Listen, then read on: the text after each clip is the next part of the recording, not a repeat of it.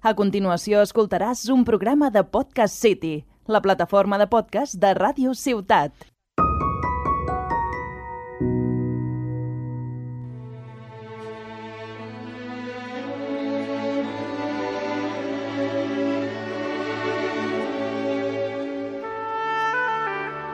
Plenitud a la vida quotidiana, un programa d'espiritualitat pràctica presentat per Jaume Arasa.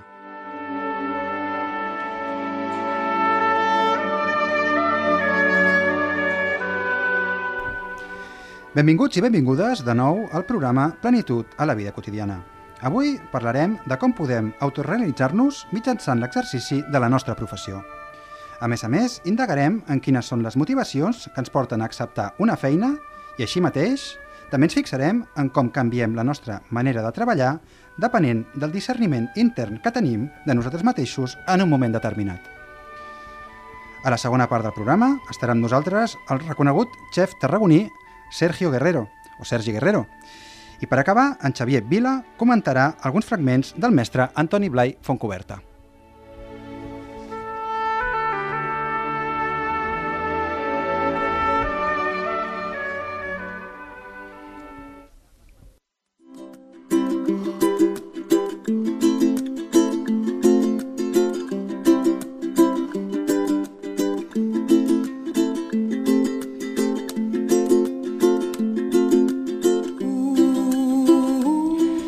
De nosaltres passem gran part de la nostra vida treballant, atès que mitjançant aquesta dedicació obtenim els diners necessaris per costejar algunes de les nostres necessitats més bàsiques, com per exemple disposar d'un lloc on dormir, alimentar-nos i abrigar-nos.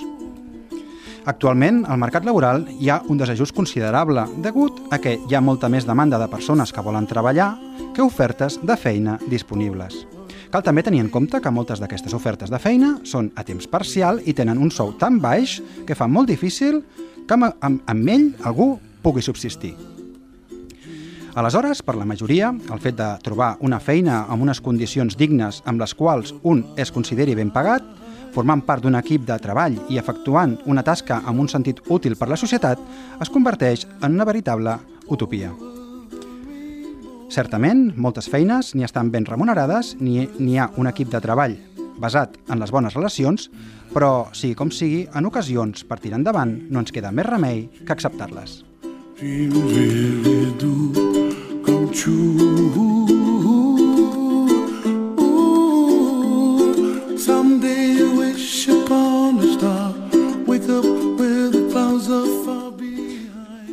Així que molts de nosaltres, o bé perquè tenim necessitats econòmiques que enfrontar, o bé perquè necessitem disposar d'alguna experiència laboral prèvia que ens permeti aspirar a millors llocs de treball, decidim acceptar ofertes de feina amb unes condicions no gaire favorables.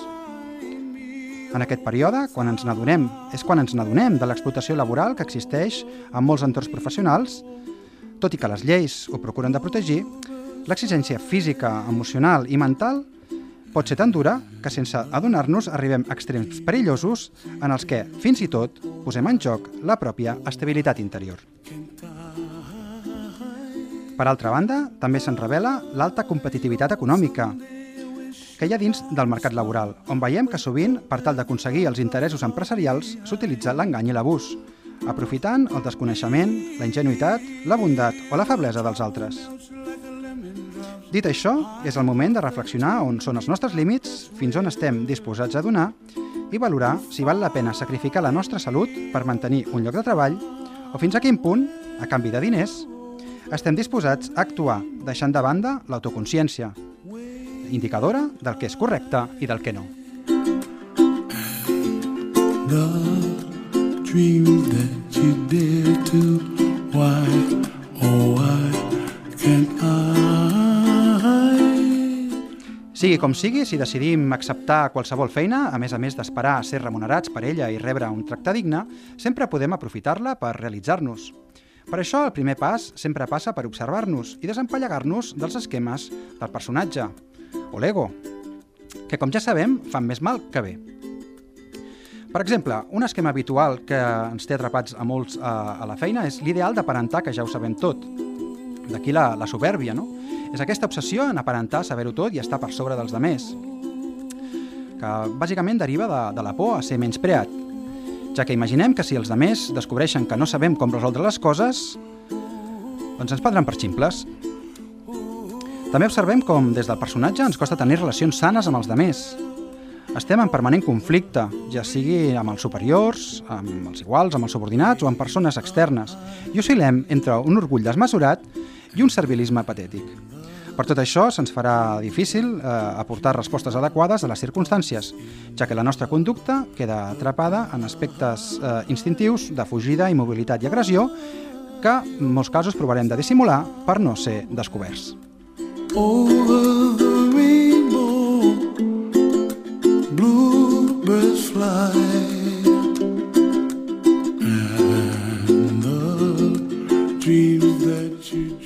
Una vegada vist el conflicte, el malestar i l'esgotament que es deriva de viure i treballar des dels mecanismes del personatge, ens n'adonarem que el millor que podem fer és provar de reprendre el govern de la nostra existència. I per fer-ho recordem que només cal que a través de l'atenció ens situem a la nostra presència. I això fer-ho segon a segon, dia sí, dia també, de tal manera que, una vegada diferenciem el gust de qui som, ens esforcem per mantenir-nos-hi. Es tracta d'una tècnica senzilla, que tots podem fer i que té per objectiu ser nosaltres mateixos, tot i que a la feina sempre hi hagi coses a fer, persones que atendre i assumptes que resoldre. Per tant, cal fer un esforç, ja que és molt fàcil despistar-nos i tornar a funcionar com de costum. Presents, som conscients de nosaltres mateixos i alhora de tot allò que ens envolta, de tal manera que durant l'execució de les nostres labors, tot i la jerarquia, podem fer-nos cada vegada més responsables de les pròpies decisions, relacions i actes.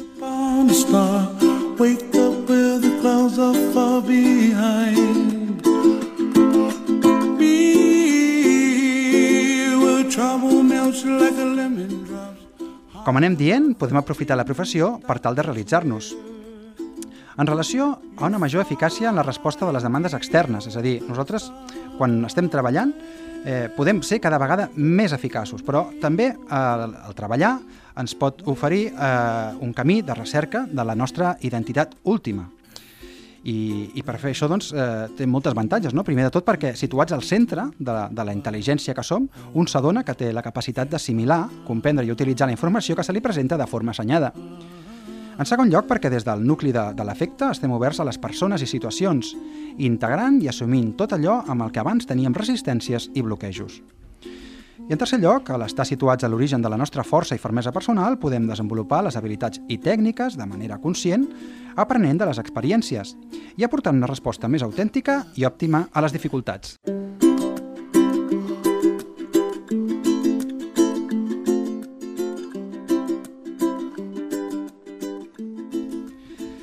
Per acabar, assenyalar que els que tinguem el desig d'establir un vincle amb el pla espiritual, hem d'aspirar a obrir-nos i deixar entrar aquesta força dins nostra. Busquem-ho per experiència. Així superarem els límits que ens imposen les creences. Si aconseguim establir aquesta connexió amb el nivell espiritual, encara que no sigui de manera permanent, constatarem que disposem al nostre abast de la capacitat d'afrontar de cara les circumstàncies adverses sense defugir. Recordem l'encertada frase dels monjos benedictins que diuen «Ora et labora». D'igual manera, amb aquesta relació amb l'espiritual, l'aspecte efectiu també s'anirà expandint, facilitant que siguem més nosaltres mateixos, ja que afluixarem les exigències que tenim amb les persones amb les quals ens relacionem. Per últim, trencar, també vull trencar un tòpic no? que diu que l'aspecte material està oposat a, a l'aspecte espiritual i, i anem a trencar-lo, doncs, perquè si som conscients de que, de que realment som, viure amb disponibilitat de recursos no té res de negatiu. I és que, al igual que hem d'aspirar a viure amb coneixements, amb unes bones relacions i una bona salut, també hem d'aspirar a viure amb una economia necessària que ens permeti obtenir tot el de més.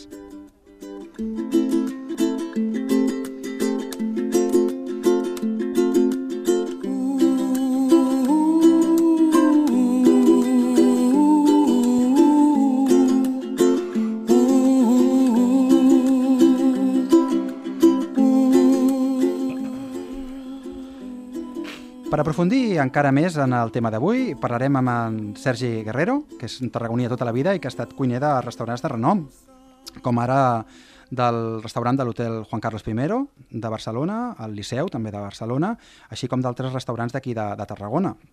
poden ser el Sol Ric, la Caleta, el Barhouse, el Barquet, i fins i tot va ser copropietari i cuiner d'un restaurant molt exitós que hi havia a prop del mercat a Tarragona que, que es deia El peix que mossega la cua. Benvingut, eh, Sergi, gràcies per estar avui amb nosaltres. Hola, Jaume. Molt content de que avui estiguis aquí Hola, moltes gràcies a tu. i de poder parlar. Per mi és un plaer. Jo crec que ets uh, la persona ideal per, per estar avui i per, i per parlar i per explicar-nos sobre, sobre la feina, no? Una mica, doncs perquè he seguit una mica la teva trajectòria des de fa molts anys, perquè tenim amics en comú i Sí, de tant en tant, sí, i de tant en tant doncs, ens veiem, no? I, i, i, i el que et volia, per començar, no? com, com és que et vas decidir eh, ser cuiner, no? tan jove? Perquè jo recordo ja que va ser quasi acabar l'escola i ja tenies molt clar que volies ser cuiner. Bueno, perquè volia... Ja me cridava al món Mhm. i volia provar-ho. Volia... Vaig sortir de, de l'EGB i volia provar i vaig anar a l'Escola d'Hostaleria i Turisme de Cambrils Uh -huh. Per provar-me a mi i per provar aquest món. I me va encantar. Te va encantar. Allà a l'escola de turisme ja vas Molt veure bé. que... Sí? Sí, sí, sí, sí, sí, molt sí. bé. O sigui, els focs ja me flipava el tema. O sigui, molt, molt xulo. I què és el que més te cridava l'atenció del fet de treballar a la? El- l'ambient, el soroll, el- l'estrès, Sí. perquè Sí, sí, no és una mica addicte a l'estrès també, Sí. però aquest món, aquest món m'entusiasmava i volia provar i volia continuar. Així tot, no? Al llarg de tots aquests restaurants que he anat repassant vas trobar que, que, que, és, que, era, que ha sigut un món molt, molt exigent, no? Molt exigent. Sí, sí, sí. sí. Mm, Depèn també del lloc on estiguis, saps? Hi ha una exigència o una altra, però sobretot molt exigent en... Per això, sobretot al Liceu, perquè no treballes cara al públic, sinó treballes cara als socis, i els socis del cercle, pues, tenia el seu. Mhm. I, I què vols dir que tenia el seu... Que, que, que, a quin nivell era d'exigència? Era de, a través dels, dels xefs de cuina que ja hi havia o, o, o dins teu tu també tens un nivell d'autoexigència també molt alt, no? Bueno, una cosa per part dels dos, Una perquè ells anaven molt sovint cada dia i quan hi havia òpera pues, el cercle s'oblia i venien autoritats que, buf, saps? Que imposen una mica. Mhm. I, i t'omplia treballar... Molt. Sí, molt, molt, molt. Molt, molt, m'omplia també pel, pel companyerisme que hi havia, per la manera de treballar i perquè a mi m'agrada molt donar de menjar a gent i que disfruti, que es diverteixi. Sí, sí. En aquell moment eres cuiner, però va, va arribar un moment en què vas arribar a ser xef, no? Sí. sí. Sí, sí, En sí. aquests restaurants ja? No, amb No? aquests no. En aquests no. Amb aquests no. En aquests no. Se, se, se, se triga molts anys a arribar a poder... Bueno, és això... És que xef és... Jo quan vaig estar a França, el, el cap de cuina se li deia xef, però xef en francès és, és jefe. És el jefe de cuina. És el, jefe. és el jefe de tots, els que hi ha És- a la cuina. Clar, era el jefe. Mhm. llavors, llavors, pues li deien xef, però el- jo me defineixo com a cuiner. No m'agrada dir xef. Jo sóc cuiner. Cuiner. M'agrada molt cuinar. Mhm. Això de xef, bueno, pues, està bé, però tampoc... I, I per què treballaves? Per, per, perquè t'agrada cuinar o també hi havia una miqueta de per ser reconegut, una miqueta pels, pels demés? Bueno, una mica de tot, però sobretot per mi. Mhm. Jo no m'agradava el... o no m'agrada que la gent... O sigui, m'agrada que la gent pensi que sóc un bon cuiner, però sobretot per mi. A mi m'agrada molt i, i estava tranquil i bé. T'agrada fer feliç a la gent donant-los el, el menjar? Sí. Sí, Sí, sí, sí, sí, perquè sí. és una cosa que per la gent és una cosa, diu, pues avui surto, pues, ja que surts, pues, almenys que, que mengis bé i que tu passis a gust. Mhm. Jo estoy ahí para eso. Molt bé, molt bé, molt bé. A més a més d'això, també mm, trobo que eh, treballar de, de xef fa, fa que estiguis molt centrat, no? fa que hagis d'estar molt, molt present perquè has d'estar atent a tot el que fas, has de preveure el que, el que has de fer i, a més, mm, encara t'entren més comandes, no?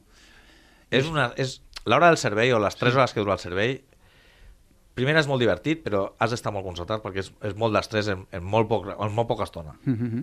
Perquè per tu, o sigui, són moltes taules, però per algú que ve és la seva, saps? És, és la seva taula. Llavors, um, has d'estar concentrat en totes les taules, però sobretot l'organització. A la cuina d'estar molt organitzat. Una preparació abans i a l'hora del servei, tranquil i que vagin venint. I això s'agafa amb l'experiència, imagino. total, total. Sí. I hi ha gent que potser no hi arriba a agafar-la perquè, Potser no hi arriba, sí, clar. perquè abans diguéssim que això pot arribar a desbordar algú. A desbordar. Sí, Sí, jo he vist sí, molta sí. sí. gent trair-se el delantal a la mitja hora del servei i marxar. Sí, I no tornar més. No, no hi torna més. Déu-n'hi-do, no? No, no, déu-n'hi-do. Déu-n'hi-do, déu I ja no és el treball, també has de tindre una mica de presència, sobretot els, nosaltres perquè estem a la cuina estem a dins, però a sala eh, has de el, el, el tracte amb el client és tet a tet, eh? Mhm, mhm. Nosaltres perquè estem allí dins només veiem llucets i sèpies. Mhm. Bueno, amb el peix Però- que, en el, en el cas bueno, del en el peix... cas del peix que era tot, era estaves a dins i a fora, no? tot. Estava a fora, Sí, cuinant, estaves- però cara a la gent. També atenent a tothom... I a la gent li agradava això, li agradava molt. Bueno, tu has vingut moltes jo, vegades. moltes vegades i m'encantava la cuina i també el teu tarannà. I el tracte amb la gent, perquè la gent s'ho passa bé mirant com cuina el, Sí, el, i com sí. cuina ja només per ell, sinó per tot el local. Sí, sí, sí, era I com... al·lucinava una mica, sí. Sí, era com... No només era artístic el fet del menjar, sinó que en aquest cas era artístic tot plegat, no? Era artístic el restaurant, era... era, era... Era un, la, la frase show cooking era Sí. total. Ah, perquè, sí, sí, sí, clar, jo, jo em ficava nerviós també, però clar, si ho veu la gent, doncs, també ho veu. Sí, perquè sí, és un sí, món sí. que... És, és, és, és un món que no estàs gaire tranquil, saps què vull dir? Mhm, I hi ha mhm. moments de... I aleshores, qui- quins aspectes eh, interiors no? en, eh, has vist que has anat desenvolupant? No? La, la, la concentració, no? la relació amb els altres, amb, ja siguin cuiners, ca- cambrers, clients... No? Qui- Quines, quines són les, eh, quins aspectes interiors tu notes que eh, el fet d'haver treballat de cuiner eh, d'aquest nivell t'ha desenvolupat? M'explico? Uh, Sí. mm, a veure, m'ha ajudat molt a calmar-me quan estic molt estressat. Uh -huh. Inclús quan més estrès, més bé m'ho passo. Uh -huh. Però això dura una estona. O sigui, després has de parar, tancar els ulls i, i descansar, perquè acabes molt estressat. Sí, sí, Tant, Sobretot de coco, més que físicament. Uh -huh. Molt bé. I, i eh, treballant tant i, i quedant tan cansat, tu notaves que, que sacrificaves alguna cosa de la teva vida? Sí, Sí. però guanyava més que sacrificava, Mhm. per mi. Mhm. Jo, bueno, pues, Vas estar... tota la, durant tota la setmana estava al restaurant. La Sí. meva vida social era el restaurant. Sí. Llavors allí coneixia gent, allí con, pues, era allí, després arribava a casa i volia pau i tranquil·litat amb el meu gat i s'acabó. No volia res més, Sí, sí, sí, però allí sí, el sí. peix ho donava tot.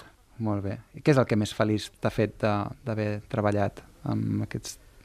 Bueno, el conèixer molta gent. Mhm. El conèixer molta gent i, i el i l'averiguar que era capaç de fer-ho, saps? Era un repte per mi molt important. Sobretot, ja no cuinar, sinó cuinar de cara a la gent.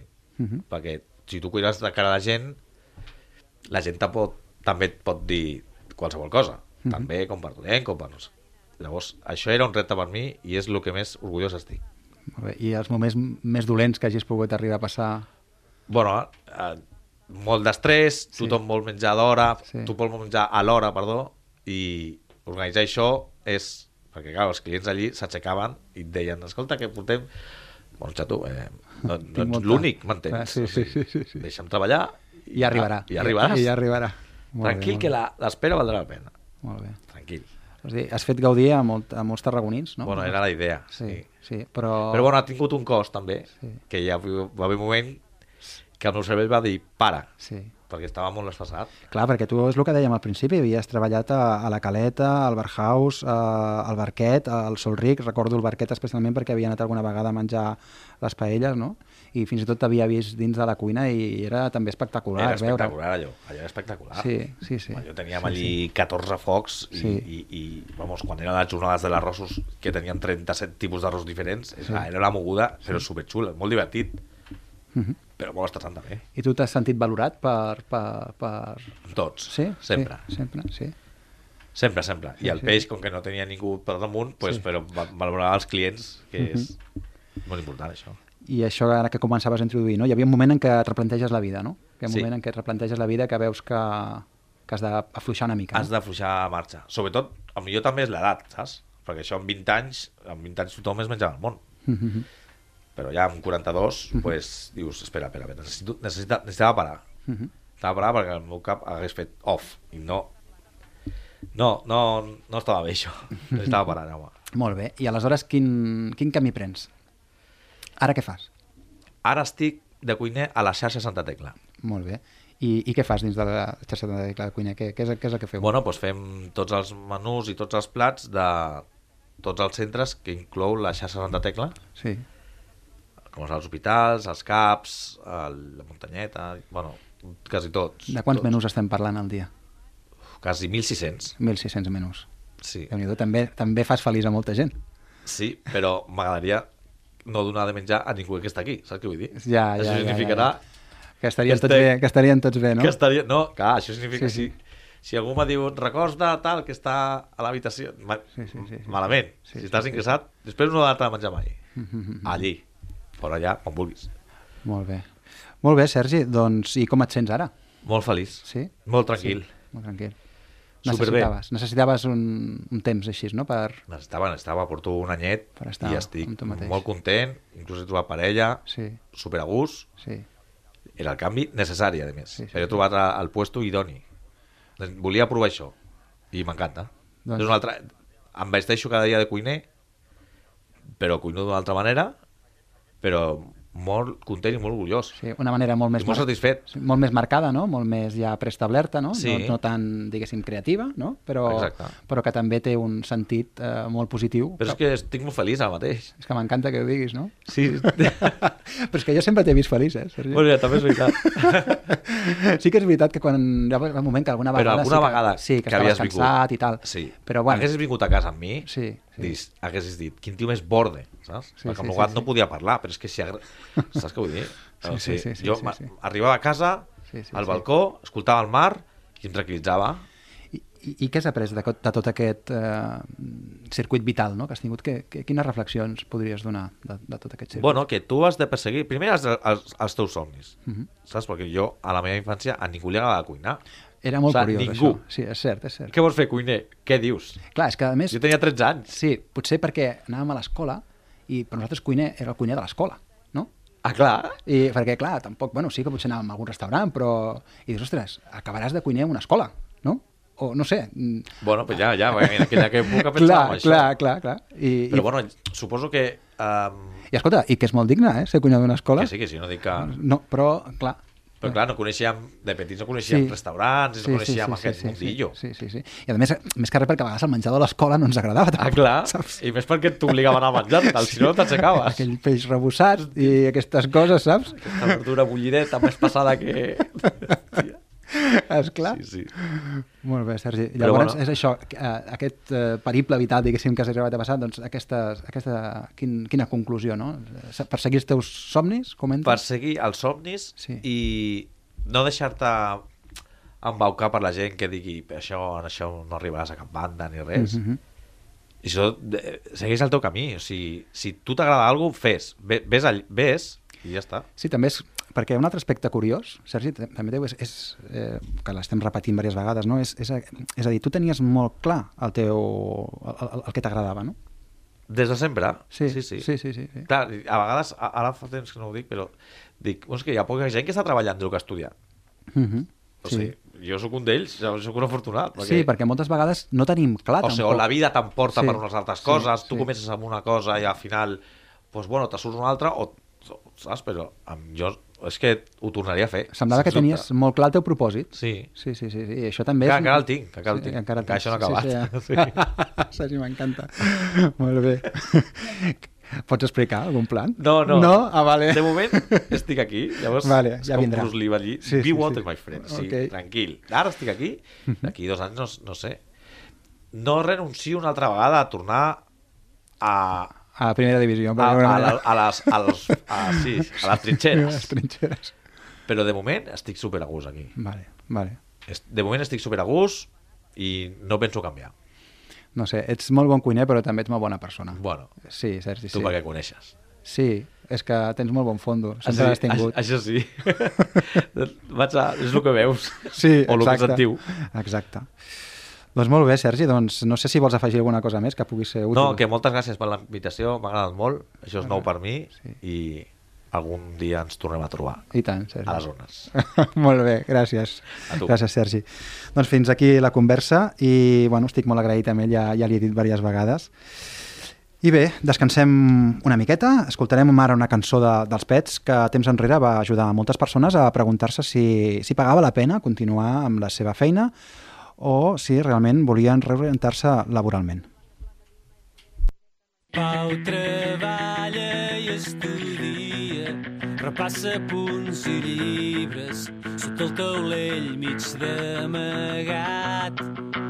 d'una petita oficina on es guanya la vida amb un contracte temporal. Comparteix la nevera amb dos companys de feina, un marroquí mig il·legal.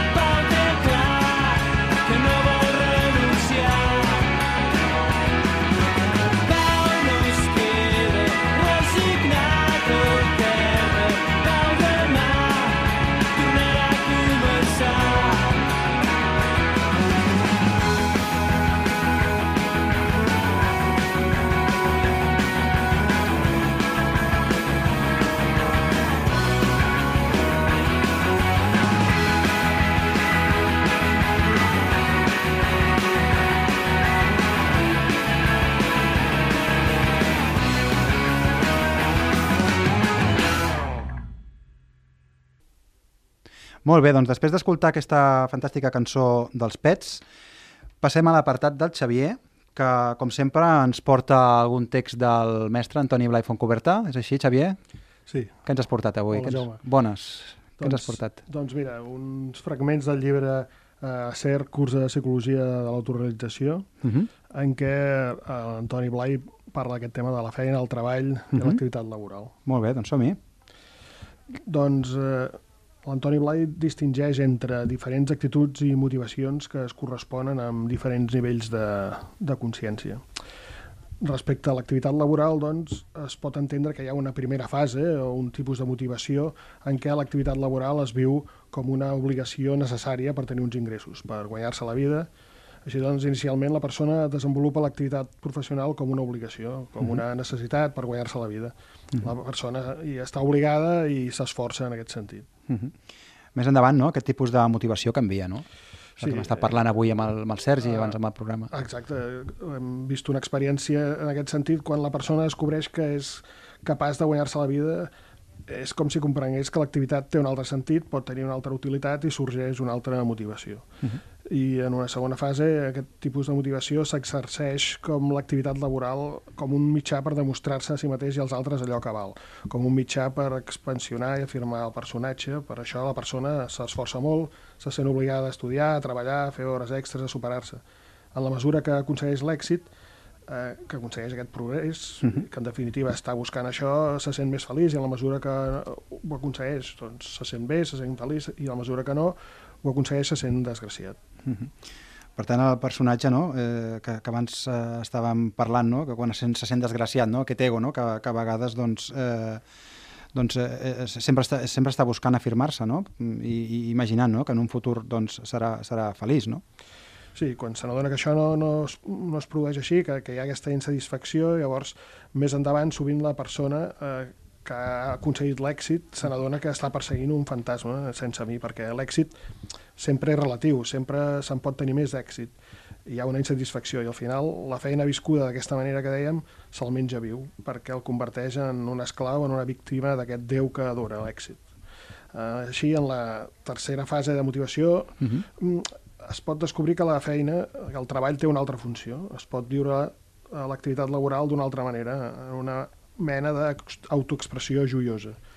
No per buscar res especial, ni, ni diners, ni prestigi, ni afirmació, sinó perquè en fer-ho eh, jo em sento creador, em sento profundament a mi mateix actiu. És una manera de descobrir-se a si mateix, de fer-se a si mateix. En aquest moment tota la feina canvia, tota l'activitat laboral canvia perquè la persona deixa d'estar pendent d'un objecte, ja sigui la necessitat de guanyar diners o la necessitat de tenir èxit. Mm -hmm. I així, doncs, en la tercera fase, la motivació es desplaça completament. No és un objectiu allò que es busca, sinó que és el gust de fer. I, per tant, la font de la motivació eh, d'aquesta acció sorgeix del mateix lloc on sorgeix l'acció mateixa. I per això l'acció feta així és joiosa i és creadora. Sí, mira, com a exemple tenim, tenim el Sergi avui, que, que el veiem que és una persona alegre, no? que, que, que realment ell estava treballant, no? però en el fons eh, estava com jugant, no?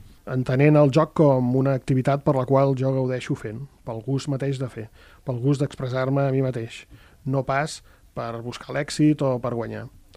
Descobrim que l'activitat viscuda així pot millorar encara més, fent que la feina, que el treball ens serveixi com a mitjà d'autoexpressió joiosa. Podem fer-ho de manera que sigui útil als altres i és aleshores quan sorgeix un sentit de servei, però un servei que es recolza també en el meu goig de fer. De manera que l'activitat es fa alhora pel meu goig i pel bé dels altres. Uh -huh. I, i bueno, encara quedaria un pas més, no?, en el que podríem aprofundir una mica, no?, que és el pas abans que hem parlat, no?, quan... És a dir, aquest aspecte, doncs, ja una mica més transcendent, una mica més espiritual, no? Exacte, en què hi ha un altre tipus de motivació, que podríem anomenar una quarta fase, en què arriba en el moment quan la persona ja és capaç de viure en aquesta autoexpressió constant, descobreix llavors que l'activitat es produeix i que no és un jo que està actuant, sinó que hi ha una intel·ligència, que hi ha unes energies que estan en acció i que al mateix moment m'inclouen a mi i inclouen als altres. Aleshores, la persona descobreix que tota pretensió que ha tingut a la vida, eh, jo he fet això per aquest motiu, jo he aconseguit això altre, jo he fracassat en, en això, tot això es descobreix com un joc de creences i s'arriba a la consciència transcendent. En aquest sentit es veu que hi ha algú que dirigeix tota l'existència i que, per tant, hi queda inclosa la meva existència a tots els nivells i que jo en sóc part. Quan la persona descobreix, es descobreix a si mateixa com a ésser més enllà del joc de la manifestació de l'existència. Tota acció és la presència de l'energia, de la intel·ligència i de l'efectivitat en interacció. I això és la realització, descobrir-se a si mateix més enllà de tot i alhora, en certa manera, abastant-ho tot. Eh, en l'activitat laboral i en general en tota activitat a la vida. Ho soc tot, així doncs, com a existència, però sóc més enllà de tot com a identitat, com a essència. Molt bé, Xavier, doncs moltes gràcies per la teva col·laboració. Gràcies a tu, Jaume. Molt bé. Fins al proper programa. D'acord, ens veiem. Bé, doncs ens acomiadem esperant que per tot vosaltres hagi estat profitosa aquesta estona que hem compartit junts i recordar-vos que tenim una pàgina de Facebook amb el nom de Plenitud a la vida quotidiana i on podeu posar-vos en contacte amb nosaltres per aportar els suggeriments que vulgueu. Agrair a, a Lluís, al control tècnic, moltes gràcies. Un plaer. Escoltar la teva veu també. Ah, Molt bé, molt bé. I la teva sonrisa, fantàstic. Gràcies a tothom i fins al proper programa.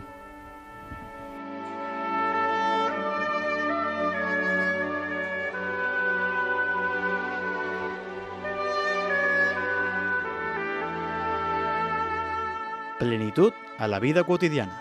Un programa d'espiritualitat pràctica presentat per Jaume Arasa.